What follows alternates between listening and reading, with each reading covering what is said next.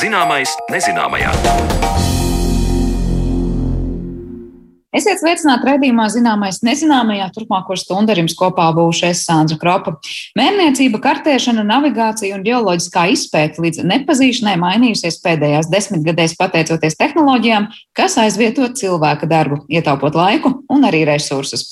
Mašīnu mācīšanās algoritmi ļauj datoriem pašiem zīmēt kartes, bet mobīlie telefoni kļuvuši par neaizvietojumu mērnieku darba instrumentu. Par geoinformātiku mēs vairāk runāsim šodien raidījuma otrajā daļā, taču līdz tam tam palūkosimies uz to, kā mainījušies Rīgas ielu nosaukumi. Ir skaidrs, ka lielpilsētu ielu nosaukumi ir bijusi svarīga laikmeta liecība un kalpojusi dažādu valstu režīmu labā. Tā savulaik lielākās un mazākās Rīgas ielas nosauktas dažādos vārdos, kas ātri vien mainījušās, mainoties valdošiem režīmam. Kā radušies dažādi Rīgas ielu nosaukumi, par to mūsu arhīva stāstā. Ir saprotams, ka tādi ielu nosaukumi kā Maskavas, Pērnavas, Tallinas, Cēsu, Talsu un citu pilsētu vārdos nosauktās ielas atrodas tajā virzienā, kas taisnāk vai mazāk taisni ved uz minētajām vietām. Šī tradīcija, kad ielas nodēvē nosacīti tuvāko lielāko pilsētu vārdos, Latvijā parādās 19. gadsimtā. Bet kā radās, piemēram, peldu, grēcinieku un stabu ielas nosaukumi? Par to es izvaicāju Rīgas vēstures un kuģniecības muzeja vēsturnieci Zitu Pētersoni. Skatot senos ielu nosaukums, sākam ar mūsu galvaspilsētas lielāko maģistrāli, tagadējo Brīvības ielu, kuras pirmsākumi ir meklējami Kalēju ielas rajonā, bet 19. gadsimtā tā iegūst vārdu par godu toreizējam Krievijas impērijas ķeizaram. Pirmais nosaukums principā parādās Aleksandra iela, un tas ir 1818. gads. Saistīts tas ir ar to, ka pie gaisa tilta tagadējā uzcēla Aleksandra vārtus. Un eh, caur šiem vārtiem bija jādodas Aleksandram I, kas bija uzvarējis Napoleonu karā, un tādēļ arī šos vārtus nosauca par Aleksandra vārtiem, kas deva savukārt nosaukumu ielai - Aleksandra iela. Viņa Aleksandra vārdā bija ļoti ilgu laiku. Principā līdz pat 1923. gadam, tad, kad viņu pārdēvēja par brīvības ielu un brīvības bulvārijā. Bet eh, vienu brīdi, tad, kad eh, pie varas nāca Pēteris Stučka 1919. gadā, viņš īsu brīdi pie varas bija aptuveni 5 mēnešus īsi pirms viņa valdīšanas laika, 29. aprīlī, tika izdots lēmums par 11 ielu pārdēvēšanu. Tā skaitā arī par brīvības bulvāru un brīvības ielas, kas tolaik saucās Aleksandra iela un Aleksandra bulvārs, pārdēvēšanu. Un brīvības ielu pārdēvēja par revolūcijas ielu un tagadējo brīvības bulvāri par revolūcijas prospektu. Tas bija ļoti īsu brīdi. Man nav izdevies atrast ziņas, vai tiešām tas tā notika, vai arī tika pieliktas ielu plāksnes reāli. Nesu vēl sastapuši šādu ziņu, bet uh, daži zinātāji saka, ka kaut kāda cilvēka atmiņās tomēr esot, ka tas tā esot bijis noticis un ka viņi ir paspējuši arī pielikt ielu plāksnītes. Kā zināms, otrā pasaules kara laikā daļu brīvības ielas pārdēvē par Adolfa Hitlera ielu, bet brīvības bulvārs tad nesa nosaukumu Adolfa Hitlera aleja. Padomju okupācijas gados tā bija Ļeņina iela, līdz 1989. gadā tā atkal atguva to nosaukumu, kas tai tika dots Pirmās Latvijas brīvvalsts laikā. Skatot tālāk uz citiem galvaspilsētas ceļiem, interesanti vēsture ir stabu ielas nosaukumam. Tas ir cēlies no Kauna staba, kuru uzcēla 1677. gadā publisko sodu vietā, ko toreiz sauca par Karātavu kalnu. Uzstādīja šo stāvu, jā, kas uh, bija saistīts ar šiem diviem Rīgas dedzinātājiem, kurus pie šī staba pielika Lai gan, cik es esmu lasījis, tad eh, viena versija ir, kad eh, šos staba dedzinātājus jau sodīja ar nāvi jau pašā Rīgas pilsētas teritorijā, un tikai tad viņus izved no pilsētas ārā, bet tika uzstādīts šis te stāps. Jā, šis nosaukums ir um, devis nosaukumu Stabu ielai. Arī atradies Stabu ielas teritorijā ir um, Karātavas Jā, tā tad vēl viens apstiprinājums eh, kaut kādam stabam, kurā kaut ko pakārē. Jā. Tikai interesanti ir tas, ka skatoties kartogrāfisko materiālu, ir redzams, ka šis stabs un šīs karātavas ir atradušās pilsētas, ja iet no Rīgas centra projām uz vidzemes pusi, ja, tad viņas ir atradušās ielas labajā pusē, nevis kreisajā. Jo bieži vien tiek runāts par to, ka viņas ir kreisajā pusē, tur, kur ir Dailas teātris tagadējais atrodas bet pēc kartogrāfiskā materiāla viņas ir atradušās ir labajā pusē. Un, jā, tas ir noteicis ielai nosaukumu praktiski, jā, sākot jau no 18. gadsimta. Ja mēs runājam par vecrīgu, tad um, nosaukumi ir veidojušies dažādu apsvērumu dēļ. Viens no galvenajiem, protams, ir saistīts ar ielas virzienu. Amatu iela savulaik ir saukta viduslaikos par ģildes ielu. Un nosaukums sākotnēji ir bijis saistīts ar to, ka šī iela iet uz ģildes istabu. Un šie pirmie nosaukumi ir fiksēti lejas vācu valodā un latīņu valodā dažādos dokumentos. Tad varēja būt, ka iela, pieņemsim, norāda uz iedzīvotāju nodarbošanos, pieņemsim, iesnieku iela, kas mums šodien ir. Jā. Iela varēja norādīt arī uz kādu ievērojumu šīs ielas iedzīvotāju. Šī gadījumā gribas minēt tādu ļoti populāru situāciju, kas ir notikusi ar, ar grēcinieku ielu. Šī iela ir nosaukta tirgotāja Henrika Zunderna vārdā, kuram tur atradās viduslaikos zemes gabali. Un interesanti ir tas, ka um, iela Zunderns un Zundern, jā, vāciski ir grēcinieks. Tāpēc šodien mēs to ielu vairs nesaucam kā tās pirmotnējā nozīmē, bet mēs lietojam šo vācu vārdu zunderi grēcinieks. Jā, tātad pilnīgi cits nozīme šai ielai ir. Tad tur nav nekāda saistība ar, ar prieka māju, cietumu vai, vai, vai vēl kaut ko tādu. Nē, vai arī ir kaut kāda jā, pārmācības. Jā. Tas ir pilnīgi tīri fonētiski izveidojies nosaukums. Tāpat mums līdzīgi notikumi ir notikuši arī ar Peldu ielu, kas ir bijusi sākotnēji saukta par Cūku ielu un Švinenu, un pēc tam ir pārvērties par Švimeru par peldu ielu. Ja. Tātad švinēna cūku iela, tur droši vien bija turēts cūkas. Jā, jā. jā. Jā, un tagad mēs viņu saucam par peldu ielu, kam sākotnējā saistība nav nekāda vairs. Zita Petersone, runājot par padomju okupācijas laiku 1940. gadā, teica, ka saistībā ar to, ka reliģija atbilstoši padomju ideoloģijas standartiem bija noliedzama un kaitīga, Maskavas forštatē esošo Jēzus baznīcas ielu uz īsu brīdi pārdēvēja par bezdievju ielu. Pēc otrā pasaules kara tā nesa Sevastopols ielas nosaukumu. Par ideoloģiju runājot, ir jāskatās arī uz Kārļa Ulmaņa valdīšanas laiku, kad, piemēram, Doma laukums tika pārdēvēts par 15. māja laukumu. Latviskošanas un ar Latviju saistīto vārdu nosaukumu došana Latvijas republikas laikā jā, no 1918. līdz 40. gadam gāja plašumā, protams. Un um, daudzām ielām uh, arī tika doti jauni šie nosaukumi.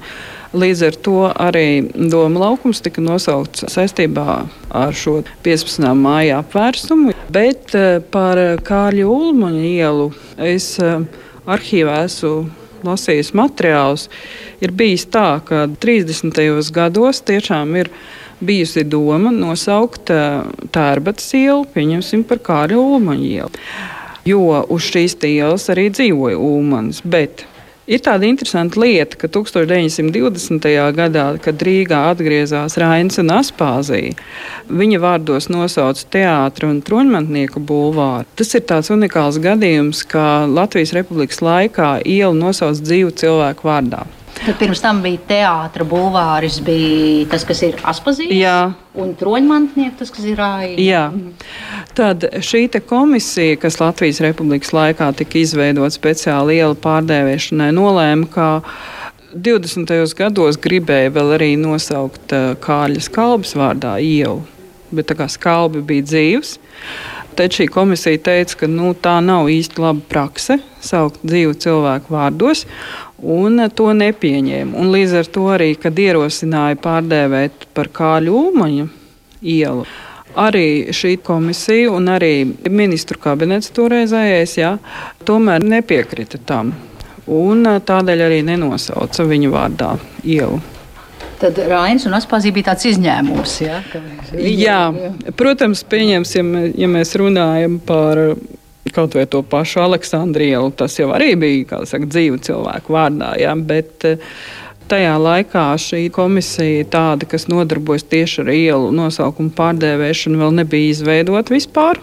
Tā izveidojas tikai 1885. gadā. Mums šī saruna notiek Rīgas vēstures un kuģniecības muzejā. Un ne, te ir arī fotografijas, kur ir redzamas Rīgas ielas. Vai jums ir arī kaut kur plāksni saglabājusies, kur ir kāds senākais Rīgas ielas nosaukums apskatāms, ja cilvēki te atnāk uz muzeju? Nu, mums izstādīts gan nav. Un mums nav īsti arī saglabājušies senākās ielu plāksnes. Mums ir um, no Latvijas Republikas laika, tātad no 20. un 30. gadiem. Tad ir dažas plāksnes no padomu laika.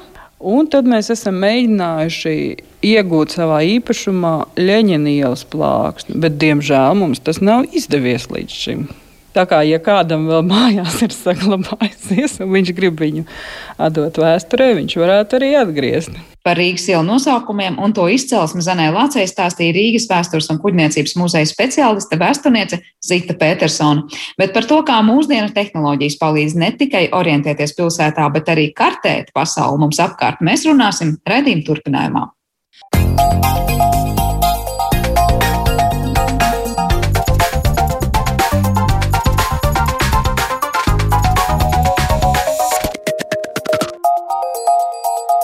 Zināmais nezināmajā. Sākot ar telefona aplikāciju, kas brīdina par sastrēgumu ceļā uz darbu, beidzot ar lieliem satelītu attēliem, kas norāda uz plūdiem vai plašiem savvaļas ugunsgrēkiem, mūsu ikdiena paiet roku rokā ar tehnoloģijām, kas ļauj paskatīties uz Zemi un mūsu vietu tajā no agrāk neiedomājumiem skatu punktiem. Tik precīzi kartēt un izzināt vietas, kur pat cilvēkam nav iespējas pēc savu kāju, šāda iespēja ir tikai mūsdienās, un par geoinformātiku mēs šodien arī plašāk runāsim ar mūsu attālinātās studijas viesiem. Pie mums šodien ciemos ir Latvijas Universitātes Geogrāfijas un Zemes zinātņu fakultātes geomorfoloģijas un geomātikas katedras vadītājs Aivars Markots, kā arī Latvijas Universitātes šīs pašas fakultātes doktorants un lauku atbalsta dienesta geogrāfiskās informācijas sistēmas speciālists Harijs Ieps. Labdien jums abiem! Labdien! Laikam jau jāsāk tā saruna ar to, ka nu, cilvēki, kas nav ar šīm geogrāfiskās informācijas sistēmām uz tu, domās, nu, tas ir kaut kas ļoti tāls, svešs un atsevišķinās, bet, kā jau teicu, laikam mēs patiesībā ar tām saskaramies nu, ik uz soļa, gandrīz vai savā ikdienā 21. gadsimtā. Un tomēr mēs droši vien, nu, varbūt kāds no mums atcerās laikus, kad kartes bija kaut kāda liela papīra gabala, kuras nesām līdzi visur, kur nu pārvietojāmies un arī izmantojām vienalga vai pilsētu plānošanā vai būvniecībā un citās nozarēs. Kā jūs raksturot, vai var teikt, ka nu, kartēšanas un mērniecības metodas jau un tie instrumenti pēdējās desmitgadēs ir mainījušies līdz nepazīšanai? Sākšu varbūt Evar ar jums. Jā, nu, noteikti var tā apgalvot. Ja? Un mēs varam teikt, ka mūsdienās visa dzīve speciālistiem, kas šeit saskarās, jā, notiek daļēji telefonā vai caur datoru. Ja? Un tā tad datorizācija ir ienākusi ļoti plaši, un tā tad arī šajās jomās. Ja? Mēs vairs nestāvam pie vienkārša optiskā e, teodolīta, lai uzmērītu, mēs stāvam pie digitālā teodolīta, kuram tālākais virziens ir tas skaistais nosaukums, kas daudziem ir ļoti svešs, noteikti totālā stacija kas dod iespēju uzmērīt ļoti, ļoti daudz punktu, saglabāt atmiņā, neko nepierakstot, pēc tam eh, praktiski jau pat pārsūtīt pa telefonu kanāliem uz oficiālu un atbraucot mājās, jau kāds ir sagatavojis karti. Un tā, tā ir mērniecība, ja un kartes mēs arī tālāk zīmējam, protams, caur datoru, izmantojot gan mērniecības datus, gan arī citus datus. Tā joma ir tagad tālāk gājusi krietni. Tā ir tālispēte, zemes novērošana no augšas. Nu, vienu laiku tās bija tikai lidmašīnas. Tad nāca kosmiskie lidaparāti un lidmašīnas kopā, un tagad var teikt, tas viss jau ir gājis platiem soļiem uz priekšu, un tad vēl nāk klāt jauna lieta.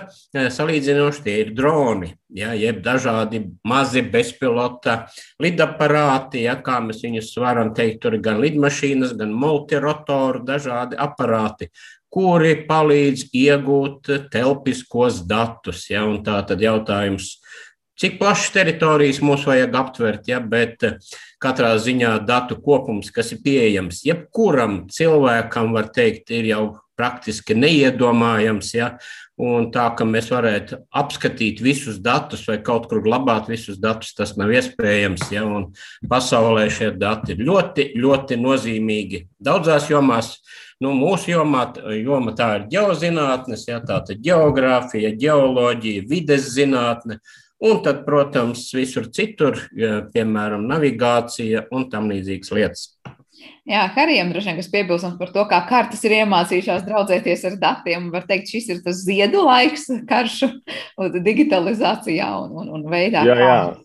Nu, ja agrāk, piemēram, mēs iztēlojamies kartogrāfu kā cilvēku, kas pats steigā gar upēm un zīmē uz papīra un mēra visu, tad nu, šobrīd jau mēs esam attīstījušies tik tālu, ka skatoties, kā LG sāk eksperimentēt, kas ir ģeotelpiskās informācijas aģentūra mums Latvijā, uh, ka viņi uh, kādu laiku zīmēja, vienkārši ir bilde no gaisa uzņemta, un tad viņi principā pārzīmē tās lietas, kas, uh, kas ir nofotografētas. Un tagad viņi jau izmanto mašīnu mācīšanās algoritmus, kas uh, paši atrod šīs lietas tajā uzņemtajā attēlā, un ka principā cilvēkam pat vairs nav jāzīmē tā karte, uzzīmē dators. Un tad pēc tam cilvēks tikai viņu pielabo, principā, pēc, nu, jo ir jau lietas, kuras arī palaiž garām tie algoritmi. Bet, nu, lielā mērā, jā, varētu teikt, ka tas manuālais darbs sarūk, bet tas intelektuālais darbs tikai pieaug šajā jomā. Bet kas ir padarījis to iespējamu? Tas ir uh, pieejami satelīta dati un saka, tās tehnoloģijas vai mākslīgais intelekts un mašīnu mācīšanās kaut kādi algoritmi Un, un, un var teikt, nu šīs te uz zemes esošās tehnoloģijas, kāpēc mums ir tāds izrāviens šajā jomā pēdējā laikā? Jā, es gribēju teikt, ka pirmām kārtām to izrāvienu ir veicis cilvēks. Tātad speciālisti, kuri ir nākuši ar idejām un izteikuši varbūt kādu momentu, kā saka, nu, nevajadzīgas idejas, kā piemēram, kad attīstījās mobilais telefons citā valstī, kāds teica, kāpēc vajag mobīlos, ja ir būdiņas. Ja, bet kā saka, šī ideja attīstījās, un arī datori, ja tā tad ar vajadzību apstrādāt datus. Un geoinformātika attīstījās ar vajadzību apstrādāt tieši telpiskos datus, pirmām kārtām tādā jomā kā meža saimniecībā, un tad nāca citi dabas resursi. Un tagad mēs izmantojam geoinformātiku praktiski visās dzīves jomās. Jautājums, vai tur ir speciālisti vai nav nu, arī noziedznieku ķeršanā, un pārkāpumu ķeršanā un visās pārējās jomās. Jā, par to, kā tas notiek, es tūdaļ pajautāšu, bet Harijs gribēja vēl kaut ko piebilst. Jā. Jā, nu, gaužām līdzīgi kā Evers teica, ka sākumā radās kaut kādas idejas. Nu, principā pēdējās desmit gadus laikā šī mašīna mācīšanās ir sākusi savu uzvaras gājienu, jo pirms tam uh, Uh, tie ir bijuši tikai tādi interesanti uh, prototipi, idejas, pieņemsim, kaut kas tālā nākotnē. Bet pēdējos desmit gados šī te, sākot ar sejas atpazīšanas ierīcēm, beidzot ar tiešām uh, satelīta attēlu atpazīšanas ierīcēm, kas balstās tieši šajā dziļajā mašīnu apmācībā, tas ir tiešām milzīgs lēciens pēdējo desmit gadu laikā bijis, kas arī paver tā teikt, starpdisciplināras iespējas mums, kā pieņemsim, pat cik mums tāda geoinformātika tagad ir tā, tā jaunā programma tiek vērta vaļā, nu, tur arī tiks teikt, būvēts, būvēts tilts starp šo geo un šo informātikas lietu. Līdz ar to, jā, visas šīs jaunās aplikācijas, viņas nevar viena bez otras teikt, izdzīvot. Nemaz. Bet geogrāfijas, geogrāfiskās informācijas sistēmas speciālists tad vairāk ir geogrāfs vai IT speciālists, vai, vai tur no jebkuras jomas var kļūt par šo? Tas ir hibrīds hibrīds speciālists. Principā tas ir cilvēks, kuram ir, kurš ir pa pusē dabas bērns un pa pusē tā teikt tehnikas entuziasts. Tur, tur vajag abas divas puses. Bet vienlaikus vienā cilvēkā jāspēj tas savietot, vai tas tāds komandas darbs, kur kaut ko izdarīs, var teikt, vairāk geogrāfs un pēc tam kaut ko vairāk informācijas tehnoloģiju cilvēks. Un... Vai nu, tas... Vai, nu, tas ir, protams, kā kura komanda struktūrē, vai ne? Bet, nu, principā tev vajadzētu gan orientēties kodā, gan orientēties dabā. Tas ir būt, tad, tad tu esi tā kā, tad tu vari sevi saukt par ģis speciālistu. Ai, droši vien, kas tieši tā. Jā, es arī tā piekrītu, ja, jo nu, datoriķis, ja viņš nepazīst dabu, viņam ir tā mazliet pagrūti, ja kā saka, saprast to, to, ko tur vajadzētu un kādā virzienā mēs gribam iet geogrāfijā. Un geogrāfam tad ir jāspēj izvirzīt apmēram tās idejas, tās vajadzības, ja, un tad kopā ar datorspeciālistiem, ja tad jau viņi, kā saka, kopīgi strādā. Nu, Reizēm, protams, viens bez otra tīri labi arī iztiek, bet labāks darbs, kad ir komandas darbs. Bet tad sanāk, ka tagad, jebkurš cilvēks, kurš varbūt visu savu karjeru tagad ir iesācis un vada IT jomā un darbojas pilnīgi citā geogrāfija nesaistītā nozarē, var kļūt par ģis speciālistu, vai tā ir vienkārši jauna izglītība no pamat, pamatiem un to tā uzreiz kā saka, no vienas uh, puses nepārkāpsim otrajā? Principā, protams, ka var, tāpēc ka tā jau ir puse no tā, kas tev ir nepieciešama. Bet nu, otra puse tev būs jāmācās. Visi dabas procesi, ko nozīmē šie signāli, kas ir saņemti no satelītiem, vai no, pieņemsim, kā, kā operēt ar koordinātu sistēmām, vai arī kā operēt ar vis, visiem failu formātiem, kas ir saistīti tieši ar mums. Nu, principā, tev vajag izpratni par tiem dabas procesiem, lai tu vispār varētu definēt, ko tu gribi panākt ar to, ar to geogrāfiskās informācijas sistēmu. Jā, es arī te varu piekrist. Ja tā tad nu, mūsdienās jau, kā saka, izmantojot digitālos rīkus un risinājumus, cilvēki iemācās lietas, ar kuriem viņiem iepriekš nav bijis nekāda sakara. Bet, protams, To nevar visu iegūt, kā saka, paliekot datoru zem spilvena. Ja? Tā tad ir diezgan daudz jāmācās vienā jomā un otrā, ja? un tad, ja vēl var salikt to kopā, tad veidojās arī jauni produkti un jaunas idejas un jauni virzieni, kur var izmantot šīs jomas. Bet Harijs jau tikko piesauca, ka ir šī jaunā programma, kas to var teikt, ka Latvijā nu, savus lielus soļus tagad šajā virzienā spēr arī iespējas iegūt izglītību tieši jau kā geogrāfiskās informācijas sistēmas speciālisti. Jā, jā, jā nu, mums tad sanāk, ka jau šogad laikam varēs jau pieteikties. Uh, man ir liels prieks, ka tāda būs. Tāpēc, ka pirmkārt, tas uh, programmas jau ietvers gan šo dabas pusi, gan šo informātikas pusi. Uh, protams, neņemot informātikas pusi tādā datorzinātnes līmenī, tādā ļoti padziļinātā, algoritmiski matemātiskā, bet nu, tādā praktiskā uh, lietojuma uh, piemērā, principā, kad uh, tev uzreiz jau ir iemāca kodu un tev uzreiz parāda, ko ar viņu izdarīt un principā kā tu spēj strādāt ar to tajā ikdienā. Sev. Un, uh, un vēl tas, kas man patīk, ir, ka šajā programmā visticamāk arī tiks kārtīgi mācīts par uzņēmējdarbību. Tāpēc, ka šī ir jauna sfēra un te ir ļoti daudz brīvas nišas šobrīd. Līdz ar to ļoti liela daļa no tā teikt, geostartupiem šobrīd ir tieši saistīta ar šo ģisu, ar, ar šo te, ar, ar stālispēti, ar, ar satelīta attēlu analīzi. Līdz ar to, principā, mēs kā, ar, ar šo programmu ieguldīsim Latvijas geoinformātikas tās sfēras attīstībā, es domāju, ka nu nenovērtējam. Bet tā programma ir domāta jau doktorantiem, vai maģistra, vai bakalaura. Tas ir kuram līmenim? Tas ir pēc vidusskolas uzreiz. Bakalaurs, profesionālais bakalaurs. Jā, jā. Tas ir paredzēts profesionālais bakalaurs. Jā, tā tad jāmācās mazliet vairāk nekā to mācās geogrāfi vai datoriķi. Tātad parasti jau mūsu trīsgadīgas programmas, ja šajā gadījumā profesionālās programmas ir četrgadīgas programmas, kur lielu daļu sastāda arī prakse un prakse uzņēmumos. Ja tie nav lauka kursi kā geogrāfiem, tur arī nedaudz ir iekšā, ja, bet tā tad mēs šo programmu veidojam ne tikai mūsu fakultātes speciālisti, bet arī dat Latvijas Universitātes datorikas fakultātes speciālisti, ja, kuri lielā mērā pārstāv to datorikas daļu, sākot ar programmēšanu, datu bāzēm, veidošanu, uzkrāšanu, apstrādi un tam līdzīgi. Mēs droši vien jau nedaudz nonākam pie tā pielietojuma dažādām šīm konkrētajām zināšanām. Tomēr, ja piesaucam šos uzņēmumus, kurās nozarēs vairāk šobrīd ir nezinu, tendence, ka tādi ģis speciālisti ir tie, bez kuru zināšanām un produktiem piedāvātajiem nu, nekādi nevar, vai kurās, kurās nu, nozarēs vairāk tas piesaka?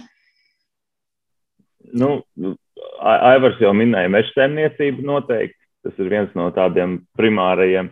Tad ir lauksaimniecība arī, nu, tad, no kā uzreiz izriet, protams, Latvijas valsts meža lauka atbalsta dienas, tad ir uh, ģeotelpiskās informācijas aģentūra. Principā šobrīd tas ir vairāk tāds kā valsts sektors, Bet, kā jau minēju, tad sāk parādīties arī savi startupi, kas ir teikt, jau pierādījuši sevi starptautiskajā tirgū.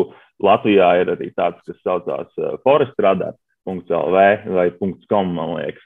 Un uh, tad uh, viņi principā monitorē mežus ar, ar tālruņa materiāliem. Nu, tad uh, tevi informē par to, kas ir noticis tavā meža gabalā, kāds ir, kāda ir, kāds ir status tavam meža gabalam, kaut vai tu dzīvo, piemēram, otrā Latvijas vai pat pasaules pusē. Uh, Bet, jā, varam verifizēt. Jā, bet cik ātri pie tādiem datiem tiek, nu, proti, dzīvo otrā Latvijas pusē, bet redzēt, kas notiek ar mēžu, tas ir redzēt, kas tur notika vakar, vai redzēt, kas tur notika pirms diviem mēnešiem vai pat gada. Nu, šādi dati par, par mežiem principā ir ievācami reizi nedēļā. Nu, tad uh, ik pa sešām dienām tev atnāk update, kas notiek, vai nu kāds tev ir tur izcirts nedaudz par daudz, ko tu tur biji norunājis, vai arī tur tieši otrādāk nekas netiek darīts. Uh, jā, un nu šis pats ir būtu attiecināms arī, piemēram, uz, uz lauksaimnieku konsultācijām, kas būtu principā vairāk uz to pusi, ka uh, kas tev tur aug, vai, nu, protams, ka lauksaimnieks zina, kas viņam tur aug, bet kāda veselība ir tiem augiem, piemēram, kuru pusi varbūt vajadzētu vairāk tur apmēslot vai, vai apūdeņot. Uh, tas viss ir nosakāms no satelīta attēliem, un principā nu, tā tuvu reāli laikam, nu, nedēļas, divu ietvaros, tev var būt visu laiku konstanta plūsma ar informāciju.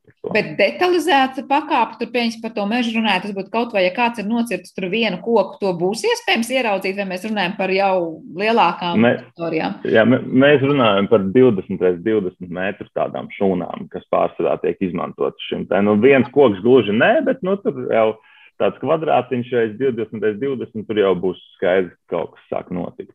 Tas process ir aizgājis.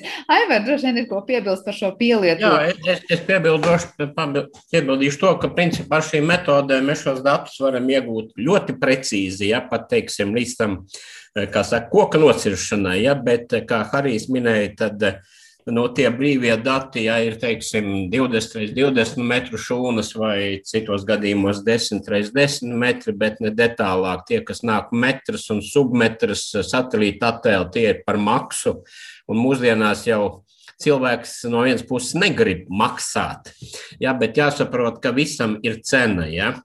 Un tā tad, nu, dārgie dati ir labāki, un daudzos gadījumos viņi ir nepieciešami, un tad viņus kāds pērk. Jautājums, kā viņi izplatās tālāk un kādas ir licences, ja, bet eh, tiešām kopumā šie šīs metodas, gan tālruņa, gan uz, no, uz zemes, gan no zemes ar droniem, piemēram, ja, tad mēs varam monitorēt ļoti precīzi un radīt jaunas izstrādes, ja, piemēram, jaunus rīkus, kas arī ir paredzēts geoinformātikas programmā, ja, kad māca šo programmēšanu, lai cilvēki varētu, kā saka, veidot savu produktu, iestrādājot tās idejas, kā saka, paši, nevis meklējot speciālistus, kurus jau nevienmēr var tik ātri dabūt. Cilvēki, tie, kas ir, kas saka, labi strādā, tie parasti ir ļoti aizņemti, ja, un uz viņiem ir jāgaida rindā. Eh, ja vēl nedaudz paturpinām to ideju par tām pielietojumu jomām, labi, jūs abi šobrīd minat tādus izteiktus piemērus, kas tiešām skar tur dažādus nu, notikumus dabā vai procesus, ko kurš kā dara vai nedara. Uh, bet arī, Aivar, jūs pirms tam teicāt, ka ir pat iespējams noziedzniekus ķert un daudz ko citu izmantojot šīs tehnoloģijas. Tur parasti klausītājiem no malas ir grūti iedomāties, nu tad, ko tajā brīdī un kā šīs sistēmas palīdz eh, novērtēt, izvērtēt, izanalizēt, un, un cik plaši ir tas pielietojams ārpus tādām tipiskām ar varbūt geogrāfiju vai vidzinātni saistītām lietām.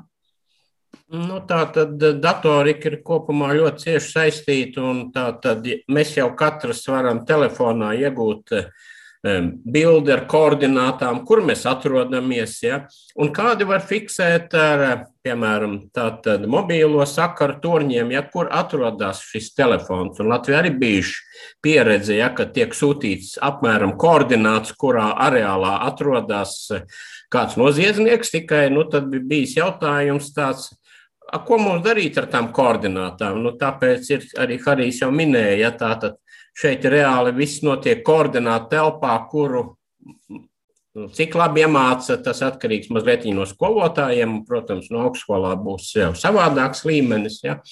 Tā tad, nu, mēs varam teikt, ka geoinformātika pamatā ir visai navigācijai. Katrā automašīnā kur izmanto vai nu speciālo navigācijas sistēmu, vai cilvēks izmanto savu telefonu, ir tātad iestrādāts ar geogrāfiskajām informācijas sistēmām, viņu palīdzību digitālā karte.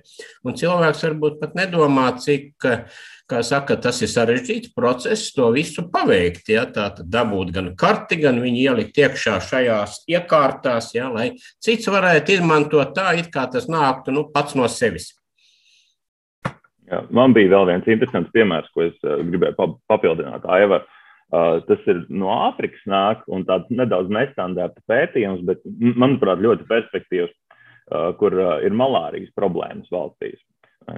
Un tad ir tā, ka ārsti, kas uh, definē uh, malārijas gadījumu kādu, viņi viņu atzīmē kartē, un tad, principā, atliek vairākus šos gadījumus kartē, un tad ar ģis palīdzību pārsvarā balstoties uz informāciju, nu, kādi apstākļi tad ir labvēlīgi šī malārijas izplatībai. Nu, pieņemsim, tur uh, temperatūra un vēja virzieni, un kas, kas centos odus, piemēram, tālāk. Tad ar šie, šo informāciju saliekot kopā ar tiem sākuma punktiem, kurus atliek jau tie ārsti tur uz vietas, tad var veidot prognozes, kas tad būtu tās nākamās bīstamās zonas, nu, kur vajadzētu cilvēkiem piesargāties, kur varētu būt tie malārijas uzliesmojumi nākotnē. Bet sanāk, šajā gadījumā viņi vienkārši paņem visus tos, nu, kā saka, vides apstākļus, kāda temperatūra, mitrums, gaisa un tā tālāk izplatība saliek kopā un paskatās vienkārši, kur ir tā tālākā virzība, kur šādi apstākļi būs un kas tur notiks. Nu, jā. Kā ir? Jā, tā ir. Jā, te ir, jā, te ir jāpiemina joma, kuru mēs neesam nemaz minējuši. Ja, tā ir meteoroloģija un laika apstākļi. Jo, nu, tas viss nāk pateicoties pirmām kārtām nu, jau satelītu datiem, ja, un tiek kontrolēti no Zemes, no meteoroloģiskajām stacijām, kas atrodas uz Zemes, bet viņu skaits pakāpeniski samazinās arī Latvijā. Ja, tā, ka, Tas ir svarīgi, un tas tai malārijai, ja, protams, šie dati atkal tiek izmantoti, tātad šie meteoroloģiskie dati. Bet es te lasīju, ka nu, šīs sistēmas tiek izmantotas, vai var tikt izmantotas arī par tālajiem austrumiem. Bija tās uh, Covid izplatības un vakcīnu pat sadalas kaut kādos tur, tur, tur aspektos. Kurā brīdī tad jautājums būtu varbūt daudziem klausītājiem šobrīd, kādus datus tur būtu jāsaņem, lai šīs sistēmas varētu pat nu, tādas lietas, liekas, tik grūti nosakāmas vai izplatītas um, nu, precīzi uzrādīt. Labi, izplatība varbūt jā, bet pa vakcīnu sadali, man liekas, kā tur šīs sistēmas var nākt talkā. Nezinu, kuram no jums varbūt ir kāds ideja vai, vai piemērs. Nu šeit laikam būtu jāpiemina viena joma, ja tā ir tā pati, kā saka, navigācija un Tā tad praktiski visas lidmašīnas, visi kuģojumie līdzekļi, ja kuģi tiek monitorēti, kur viņi atrodas, kur atradās. Viena lieta, lai novērotu, ja, nu, meklētu, piemēram, zivis, citā gadījumā, no kā ir radies piesārņojums, un citā gadījumā, uz kurien aiziet kaut kādas kravas, cik ātri viņas aiziet. Ja? Nu, mēs īsti vakcīnu pakām pagaidām laikam nesekojam līdzi šādā veidā. Es pieņemu, ka varētu būt arī kaut kāda statistiskā informācija no tiem vakcināciju centriem vai no pašvaldībām tajās vietās. Tad to arī var salikt uz kartes un smuku priekšstatu dabūt. Jo vizuālā domāšana cilvēkiem ir ļoti attīstīta, un tad kartes vispār ir viens no labākajiem veidiem, kā pasniegt kādu informāciju. Teikt, šajā jomā jābūt tādam ļoti labi vizuālo domāšanu apveltītam cilvēkam, lai saprastu, kā šos iegūtos datus vizualizēt vai likt kaut kādās kopsakarībās.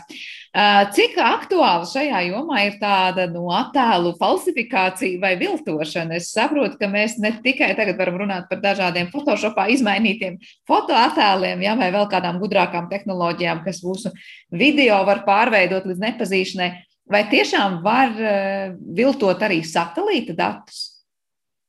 Jā, var. Kartogrāfijā falsifikācija sākumā kalpojas kā ūdenszīme, kur kartogrāfs ir uzzīmējis, piemēram, nēsošu pilsētu savā kartē, un tad, ja kāds viņu nokopē, tad ir skaidrs, ka nu, viņš ir plaģiāts. Bet uh, mūsdienās, diemžēl, ar to pašu visvarano mākslīgo intelektu rodās arī iespējas falsificēt satelīta attēlus. Un satelīta attēliem mūsdienās ir tāda diezgan arī politiska, uh, viņiem ir politisks svars. Piemēram, Ķīnā, kad 16. gadā sākās musulmaņu represijas, tad viena no pirmajiem pierādījumiem, kas bija, nāca no satelīta attēliem.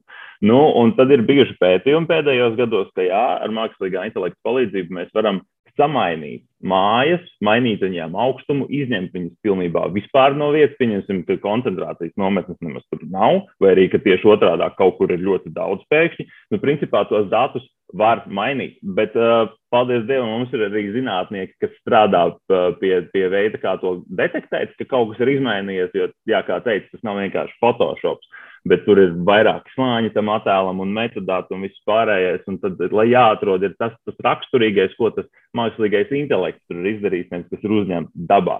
Nu, principā tā ir ļoti tāda piņķerīga tēma šobrīd, un, un, uh, un tur ir draudz, bet uh, ir, ir cilvēki, kas strādā, lai to novērstu arī. Jā, jau sākumā tas izklausās nu, diezgan biedējoši. Liekas, lai nu ko mēs paļaujamies nu, no satelīta, ja mēs redzējām, tad tur tiešām tā ir, bet izrādās, ka var arī nebūt. Aivaram bija laikam piebildi arī pie šā visa. Jā, nu, nu šeit ir tās lietas, ka principā kā saka, ir noslēpumi un nav noslēpumi. Ja? Piemēram, pie valsts noslēpumiem katra valsts var pieskaitīt pašlaik arī šīs vietas, kur tiek ražota tātad Covid-19 vakcīnas. Ja? ja šīs vietas tiek, piemēram, iznīcinātas, tad tas ir liels zaudējums, kā saka, gan tai valstī, gan cilvēcei kopumā, ja nav saražots šis nepieciešamais produkts. Un tā tad tas nevienmēr tiek precīzi uzrādīts un militārās bāzes, ja tā, tad viņas tiek vienkārši noslēptas, un to dara ne, ti, ne tikai, saka, mūsu austrumu kaimiņi, bet to dara arī daudzi citi, bet viņi to dara atsevišķos punktos. Ja.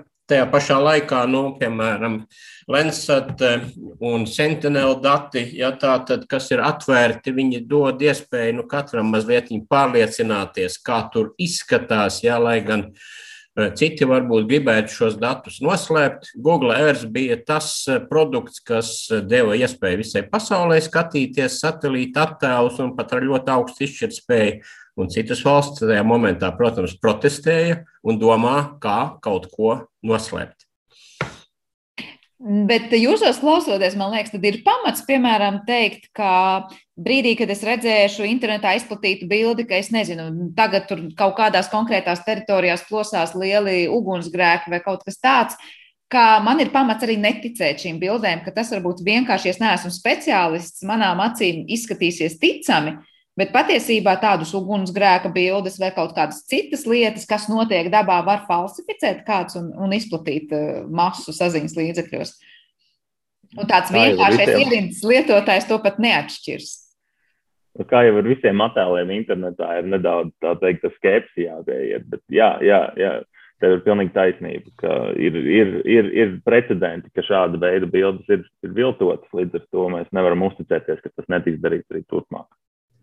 Nu, vienmēr jādomā par avotiem, no kurienes nāk, ja, vai viņi nāk patiešām no kaut kādām krātuvēm, kur šie dati uzkrājās, vai tie ir jau pārveidoti, un tad var visādas brīnum lietas parādīt.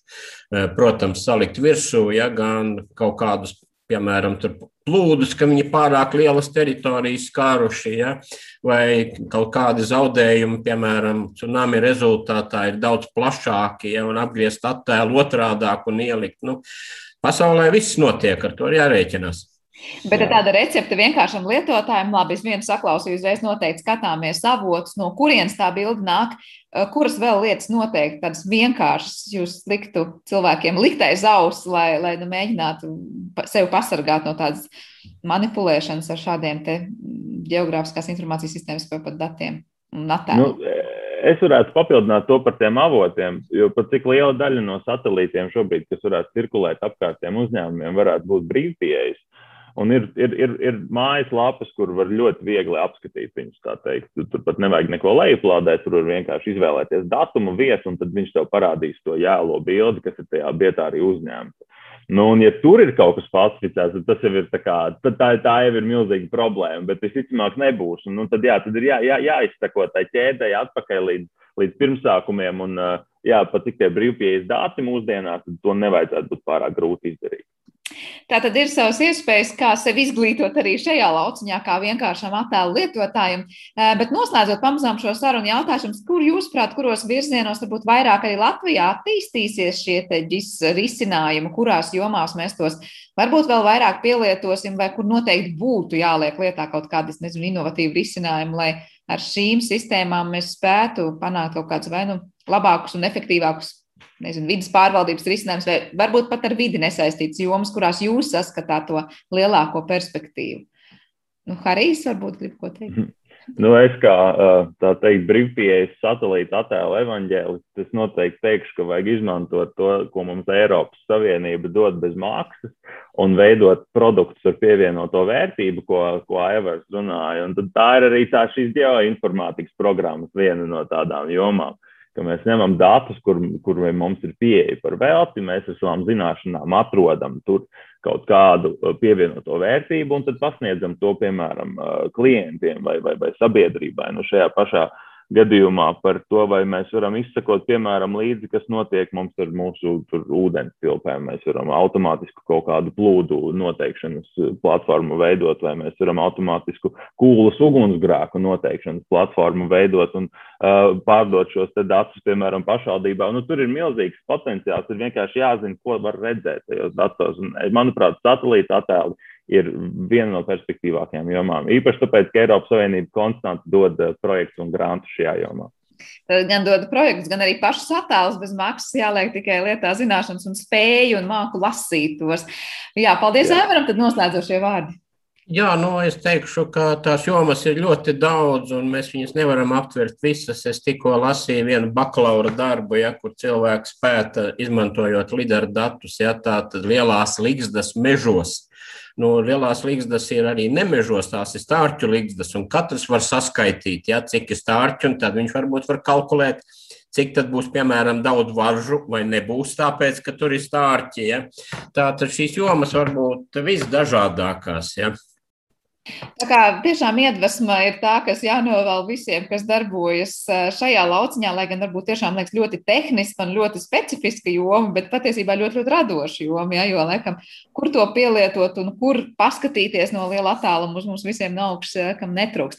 Paldies jums abiem par šo sarunu. Es atgādināšu klausītājiem, ka mūsu attālinātajā studijā šodien viesojās Latvijas Universitātes Geogrāfijas un Zemezinātņu fakultātes geomorfoloģijas un geomātikas katedras vadītājs Aivars Markots, kā arī šīs pašas fakultātes universitātes doktorants un lauka atbalsta dienesta geogrāfiskās informācijas sistēmas speciālists Harijs Ieps. Paldies jums abiem par sarunu. Teikšu paldies arī producentē Paulai Gulbinskai par šī raidījuma veidošanu un mūzikas redaktoram Girtam Bišam. Savukārt es Sandra Kroparim tiekšos atkal rīt. Visu labu!